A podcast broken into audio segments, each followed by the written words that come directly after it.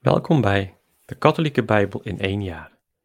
Vandaag, 29 januari, lezen we Exodus 14 en 15, Psalm 29 en Matthäus 19.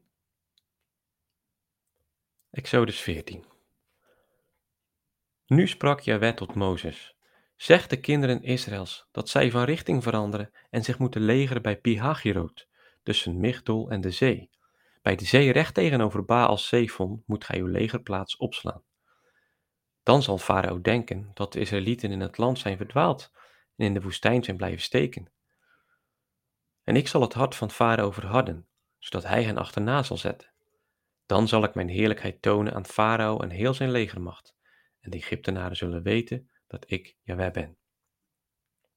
Zo deden ze dan. Toen dan ook aan de koning van Egypte werd bericht dat het volk was gevlucht, sloeg de stemming van Farao en zijn hovelingen jegens het volk om en ze dachten, wat hebben we toch gedaan, dat we Israël uit onze dienst hebben laten wegtrekken?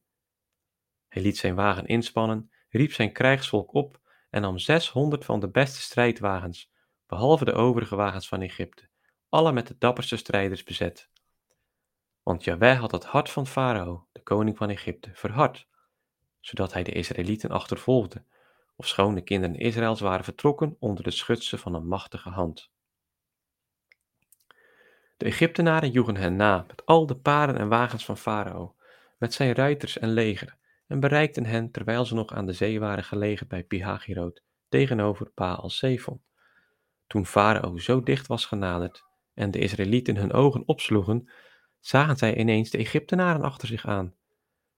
Nu werden de kinderen Israëls zeer beangst riepen Jahweh aan en zeiden tot Mozes, waren er in Egypte geen graven genoeg, dat gij ons hebt meegenomen om te sterven in de woestijn?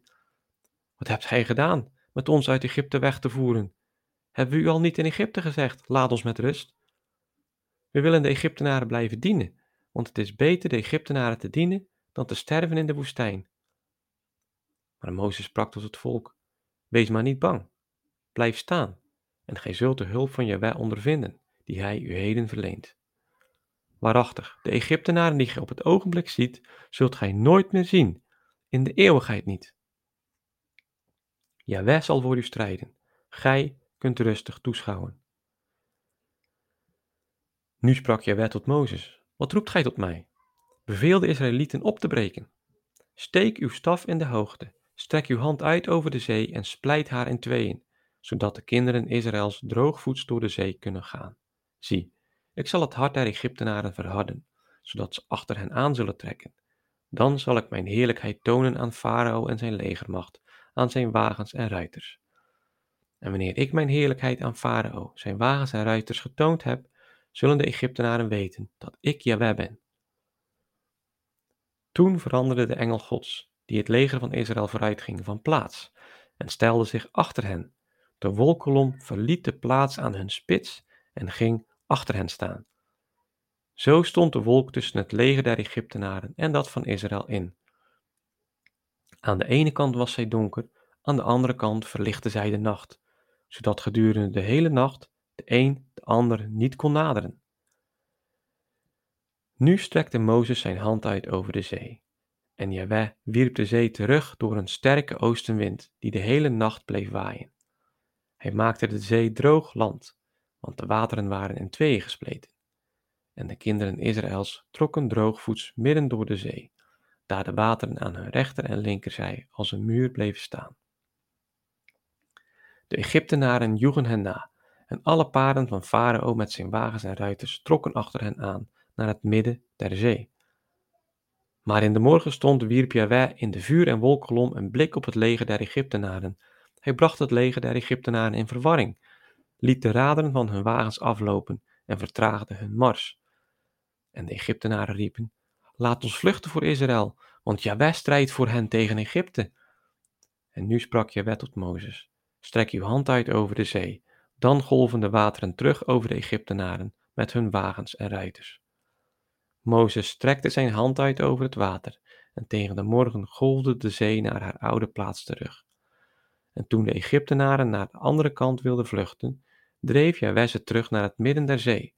De wateren stroomden terug en overstelpten al de wagens en ruiters van het leger van Farao, die hen in de zee achtervolgden, geen één bleef er over. Maar Israëls kinderen waren droogvoets midden door de zee getrokken, daar de wateren aan hun rechter en linkerzij als een muur bleven staan. Zo redde Jahweh Israël op die dag uit de greep van Egypte, en zag Israël de lijken der Egyptenaren op het strand der zee. En toen het volk van Israël het machtige wonder aanschouwde dat Jahweh aan de Egyptenaren had gewrocht, kreeg het ontzag voor Jahweh en vertrouwde het op Jahweh en op zijn dienaar, Mozes. Exodus 15 Toen zongen Mozes en Israëls kinderen dit lied ter ere van Jahweh. Laat ons zingen voor Jahweh, want hoog is hij verheven. Paard en ruit, ruit riep hij. Mijn kracht is Jahweh en mijn roem, want hij heeft mij gered. Hij is mijn God die ik wil prijzen, de God van mijn vaderen die ik verheerlijk. Een krijgsheld is Jahweh, Jahweh is zijn naam. Farao's wagens en zijn leger wierp hij in zee. In de Rode Zee ligt de bloem zijner helden verdronken. De golven bedekten hen, zij zakten als een steen in de diepte. Uw rechterhand, Jahweh, is heerlijk door kracht. Uw rechterhand, Jahweh, verplettert de vijand. In de volheid van uw majesteit werpt gij uw tegenstanders neer. Laat gij de vrije loop aan uw toorn, die als kaf hen verteert. Door uw briezen hoopten de wateren zich op, bleven de golven staan als een dam, stolden de baren in het midden der zee. De vijand sprak: Ik zet ze na, haal ze in. Ik verdeel de buit, ik zal mij verzadigen. Ik trek mijn zwaard, mijn hand slaat ze neer. Maar gij hebt met uw adem geblazen, en de zee golfde over hen heen. Zij zonken als lood in de vreselijke wateren. Wie is als gij onder de goden, o Jahweh? Wie is als gij, heerlijk door heiligheid, geducht om uw roemvolle daden en om de wonderen die gij wrocht? Gij strekt uw rechterhand uit en de aarde verslindt ze. In uw goedheid leidt gij het volk dat gij hebt verlost. In uw kracht voert gij het naar uw heilige woning. De volken horen het en beven. Angst overvalt Filistea's bewoners. De vorsten van Edom zijn van schrik overmand. De koningen van Moab rillen ervan. Onrust grijpt alle bewoners van Canaan aan. Bevangen door angst en ontzetting, voor uw geweldige kracht worden ze stom als een steen, terwijl uw volk, o Jaweh, zijn doortocht voltooid. Het volk dat gij u hebt verworven, is overgestoken. Nu brengt en plant gij hen op de berg van uw erfdeel, op de plaats van uw woning, o Jaweh, die gij u hebt bereid, Heer, in het heilige oord dat uw handen hebben gegrond. Jaweh zal heersen voor eeuwig en immer. Want toen de paarden van Farao de zee introkken, met zijn wagens en ruiters, bedolf Jaweh hen met de golven der zee. Maar Israëls kinderen trokken er droogvoets doorheen. En Mirjam de profetes, de zuster van Aaron, nam de tamboerijn ter hand, en terwijl alle vrouwen met tamboerijnen haar dansen en volgden, herhaalde Mirjam voor hen het refrein. Laat ons zingen voor Jaweh, want hoog is hij verheven. Paard en ruiter wierp hij in zee. Daarna liet Mozes Israël van de Rode Zee opbreken en trokken zij naar de woestijn van Shur.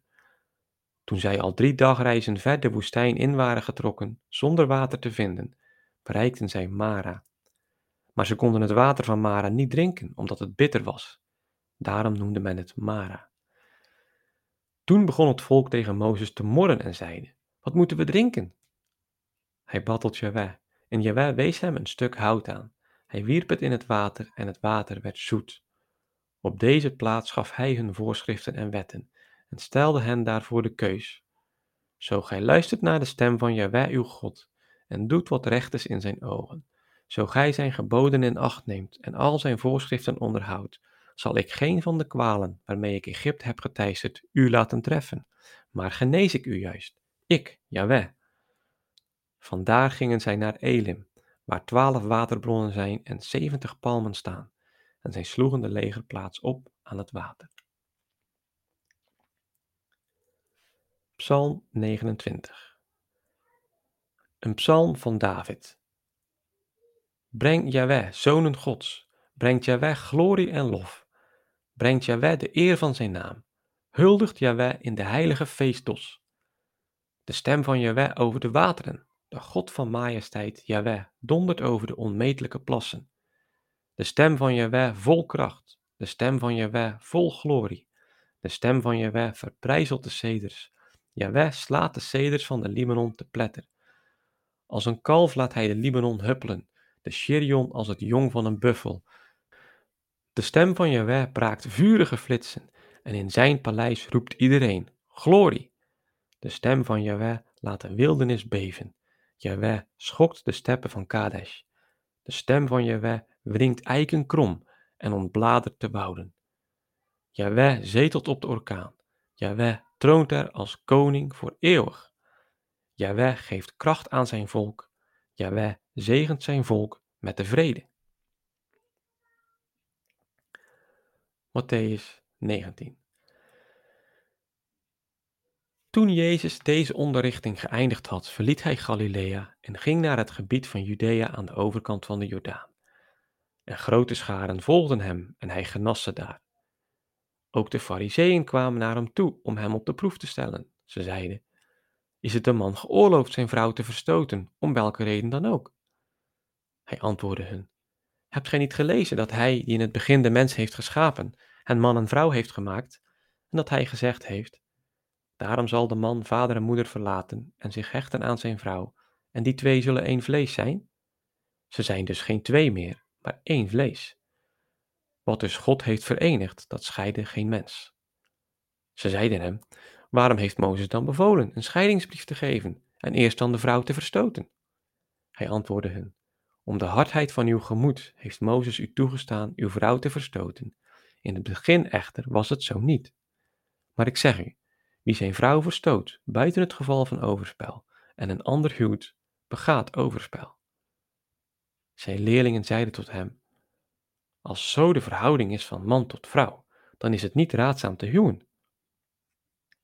Hij sprak tot hen: Niet allen begrijpen dit woord, maar zij alleen aan wie het gegeven is. Er zijn onhuwbaren die zo geboren zijn van de moederschoot af. Er zijn onhuwbaren die door de mensen onhuwbaar gemaakt zijn. En er zijn onhuwbaren die zichzelf onhuwbaar hebben gemaakt om het rijk der hemelen.